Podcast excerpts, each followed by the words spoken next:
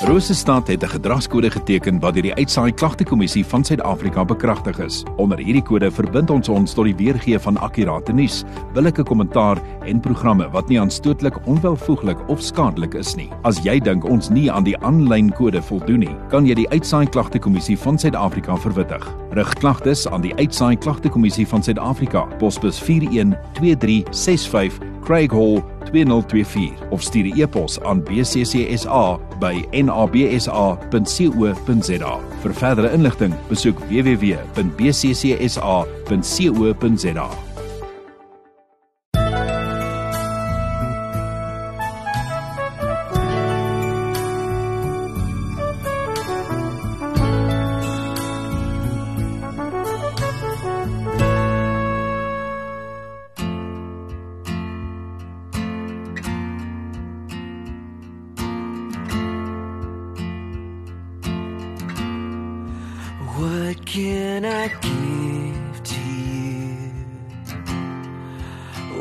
can I offer to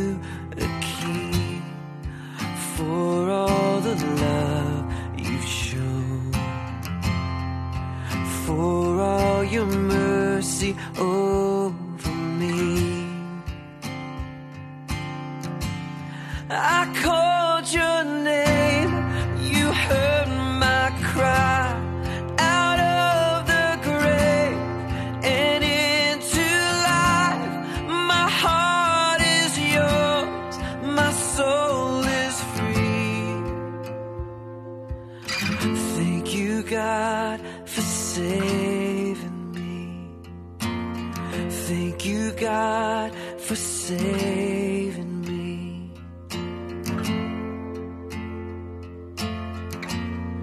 the rock of salvation. My hope is built on nothing less. Morning by morning, how great is your faithfulness?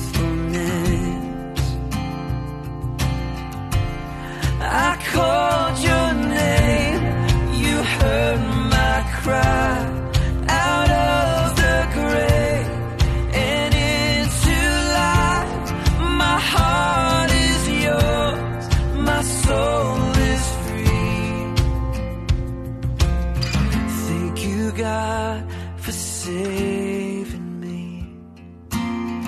Thank you, God, for saving me. Thank you, God, for saving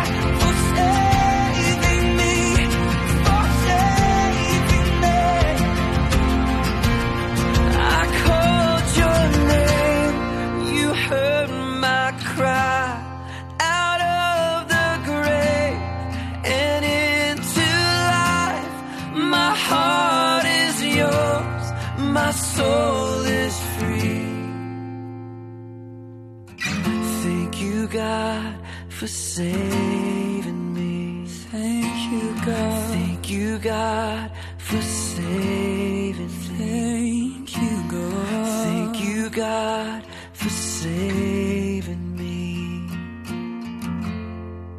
Goeiemôre Saul en luisteraars. Dit is lekker om vanoggend weer saam met julle te wees. Ons het gister, Maandag, gesê dat die boek waarna ons hierdie week wil kyk, is die boek Deuteronomium. En ons het 'n klomp sake met mekaar gedeel, maar ons het klem gelê op drie spesifieke riglyne wat ons in hierdie week dieper oor wil nadink. Ons het vir mekaar gesê aan die een kant dat die boek Deuteronomium vra 'n gehoorsame en 'n toegewyde lewe aan God. Die tweede saak wat ons beklemtoon het, is God se getrouheid en dat sy getrouheid ons juis oproep om dankbaar te wees en dat ons dankbaarheid juis moet lei tot die liefde vir die Here, maar ook vir ander mense. Die derde saak waarop ons klem gelê het, is dat ons verantwoordelik teenoor ander mense moet optree. Ek dink julle sal almal met my saamstem dat ons nie altyd aan die boek Deuteronomium dink as 'n boek wat so tydrelevant vir ons dag is nie, maar dalk het die paar opmerkings van gister julle opnuut oortuig van die betekenis van hierdie boek vir ons elke dag se lewe in die tyd waarbinne ons lewe. Vanoggend kan ons kyk na Deuteronomium die 6de hoofstuk. Ek gaan uit die aard van die saak nie al die verse lees nie, maar hier is 'n paar sake wat ek wil beklemtoon. Die 6de hoofstuk gaan veral oor onthou. Moenie vergeet wie die Here is. Moenie vergeet wat hy gedoen het en belangriker nog, maak dit wat die Here gedoen het deel van jou lewe. Kom ons lees enkele dele dan uit Deuteronomium 6. Ek wil vir ons lees vanaf die 6ste vers. Hierdie gebooie wat ek jou vandag gegee het, moet in jou gedagtes bly. Jy moet dit inskerp by jou kinders en met hulle daaroor praat as jy in jou huis is en as jy op pad is. As jy gaan slaap en as jy opstaan. Jy moet dit as herinnering teken vasbind aan jou hande en dit moet 'n merk op jou voorkop wees. Skuif dit op jou deurkusyne en op jou stadspoorte. Die Here jou God sal jou bring in die land waarvan hy met 'n eed aan jou voorvaders Abraham, Isak en Jakob beloof het. En dan lees ons die 12de vers: Sorg dat jy nie die Here vergeet wat jou uit Egipte uit die plek van slawerny bevry het nie dan lees ek weer die 16de vers. Jy mag nie die geduld van die Here jou God op die proef stel soos jy by Masa gedoen het nie. Julle met die gebooie van die Here julle God, sy verordeninge en sy voorskrifte wat hy jou gee, stiptelik gehoorsaam. En dan vers 18 is so belangrik. Doen wat reg is in die oë van die Here sodat dit goed kan gaan met jou en dat jy die goeie land wat die Here met 'n eed aan jou voorvaders beloof het, kan ingaan en in besit kan neem. En dan wil ek ook nog die 20ste vers lees. Wanneer jou seun jou in die toekoms vra, wat beteken die verordeninge en die voorskrifte en die bepalinge wat die Here ons God vir ons gegee het, moet jy hom antwoord Ons was in Egipte die Farao se slawe en die Here het ons daar deur sy dag magtige dade bevry. Liewe luisteraars, ek dink ons hoor deurlopend in al hierdie tekste dat ons die Here se weldade en sy grootheid nie moet vergeet nie. 'n Saak wat hier beklemtoon word, en ook deurlopend in Deuteronomium gehoor word is dat Israel moenie vergeet van waar hulle kom nie. Hulle was naamlik slawe in Egipte En verder moet hulle nie vergeet dat dit nie deur 'n mens se toedoen was nie. Daar was nie 'n verkiesing nie. Daar was nie politieke onderhandelinge nie. Dit was die Here wat ingegryp het om sy volk uit die huis van slawerny te bevry. Hierdie verwysing is belangrik om verskeie redes. Die eerste is elke keer wanneer ou Israel dit sal hoor, sal hulle opnuut bewus word van die grootheid van die Here. Elke keer as hulle hoor, sou hulle ook herinner word aan wat hulle situasie was. Dit was alles behalwe benydenswaardig. Dit was slegte omstandighede. En elke keer as hulle dit hoor, en hiervan gaan ons later vir tyd ook weer neem, ons kan julle kan so lank blaai na Deuteronomium 10 en ook hier 'n opmerking vind dat Israel herinner word dat die situasie waarin hulle was, hulle nie moet herhaal wanneer hulle in die nuwe land kom en die nuwe bewindhebbers is nie. Wat hoor ons vanoggend uit hierdie gedeelte? Dit is belangrik vir die kerk van die Here, dis belangrik vir gelowiges om voortdurend herinner te word aan die grootheid van die Here en sy magtige dade. Ons vertel vir mekaar te min wat die Here in ons lewe bewerkstellig het. So dikwels wanneer mense wil vertel wat met hulle gebeur het, dan kry ek net die aanvoeling is die klem is die hulle en wat hulle gedoen het of hulle omstandighede was. Maar dit is asof die rol van die Here, die hand van die Here daarin nie genoeg beklemtoon word nie.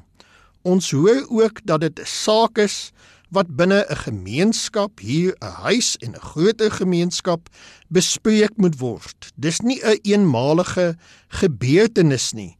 Dit is 'n saak wat voortdurend aangeraak moet word. Onthou die Here moet sy grootheid nie vergeet nie. En dan baie belangrik vir die Christelike lewe is die onthou is nie om verbitterd te wees nie. Die onthou is om dankbaar te wees. Die onthou is nie om vergelding te soek oor wat jou aangedoen is nie. Die onthou is eerder om te weet ek gaan nie doen aan ander wat aan my gedoen is nie. Kan ek nog 'n keer sê dit is belangrik vir die Christelike lewe dat ons moet onthou. Maar die onthou begin in die Christelike lewe aan wat die Here aan ons gedoen het in ons lewens. En daarom moet ons dit wat die Here aan ons gedoen het ook aan ander mense gaan doen. Kan ek vra waar julle is op hierdie oomblik laat in die dag of vanaand dink 'n oomblik na aan die grootheid van die Here in jou lewe en vra jouself af of jy die grootheid van die Here in jou lewe voortneem na die lewens van ander mense. Ons moet die Here nie vergeet nie, maar ons moet ook nie vergeet om die Here te leef in die lewe teenoor ander mense nie. Kom ons bid saam. Here, dankie vir die voorreg om U te mag onthou. Dankie vir die grootsheid van U dade en U optrede in elkeen van ons se lewe. Laat ons vandag opnuut onthou wie U is maar laat ons ook onthou om soos u liefde en goedheid aan ons bewys het, ons ook liefde en goedheid aan ander mense moet bewys. Geef vir ons 'n mooi dag in die teenwoordigheid van u en in die lewe teenoor ander mense. Amen. Liewe luisteraars, 'n mooi dag vir u. Ons praat môreoggend Woensdag verder. Baie dankie Cyril. Sien môreoggend.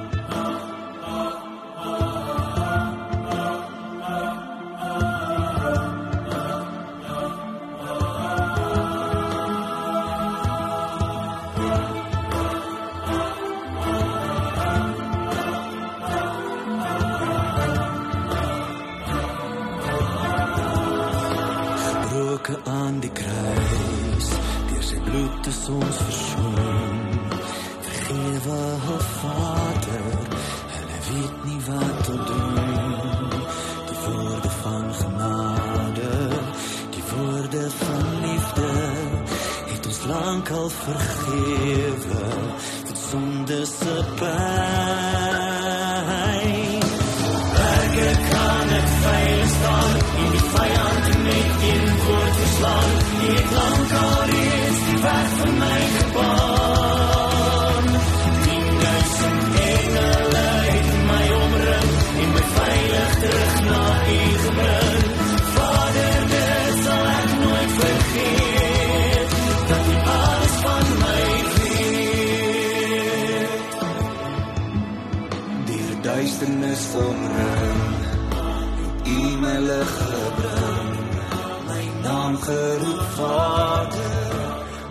vir U te sing. Die woorde van genade, die woorde van liefde het ons lankal vergewe van sonde se pyn.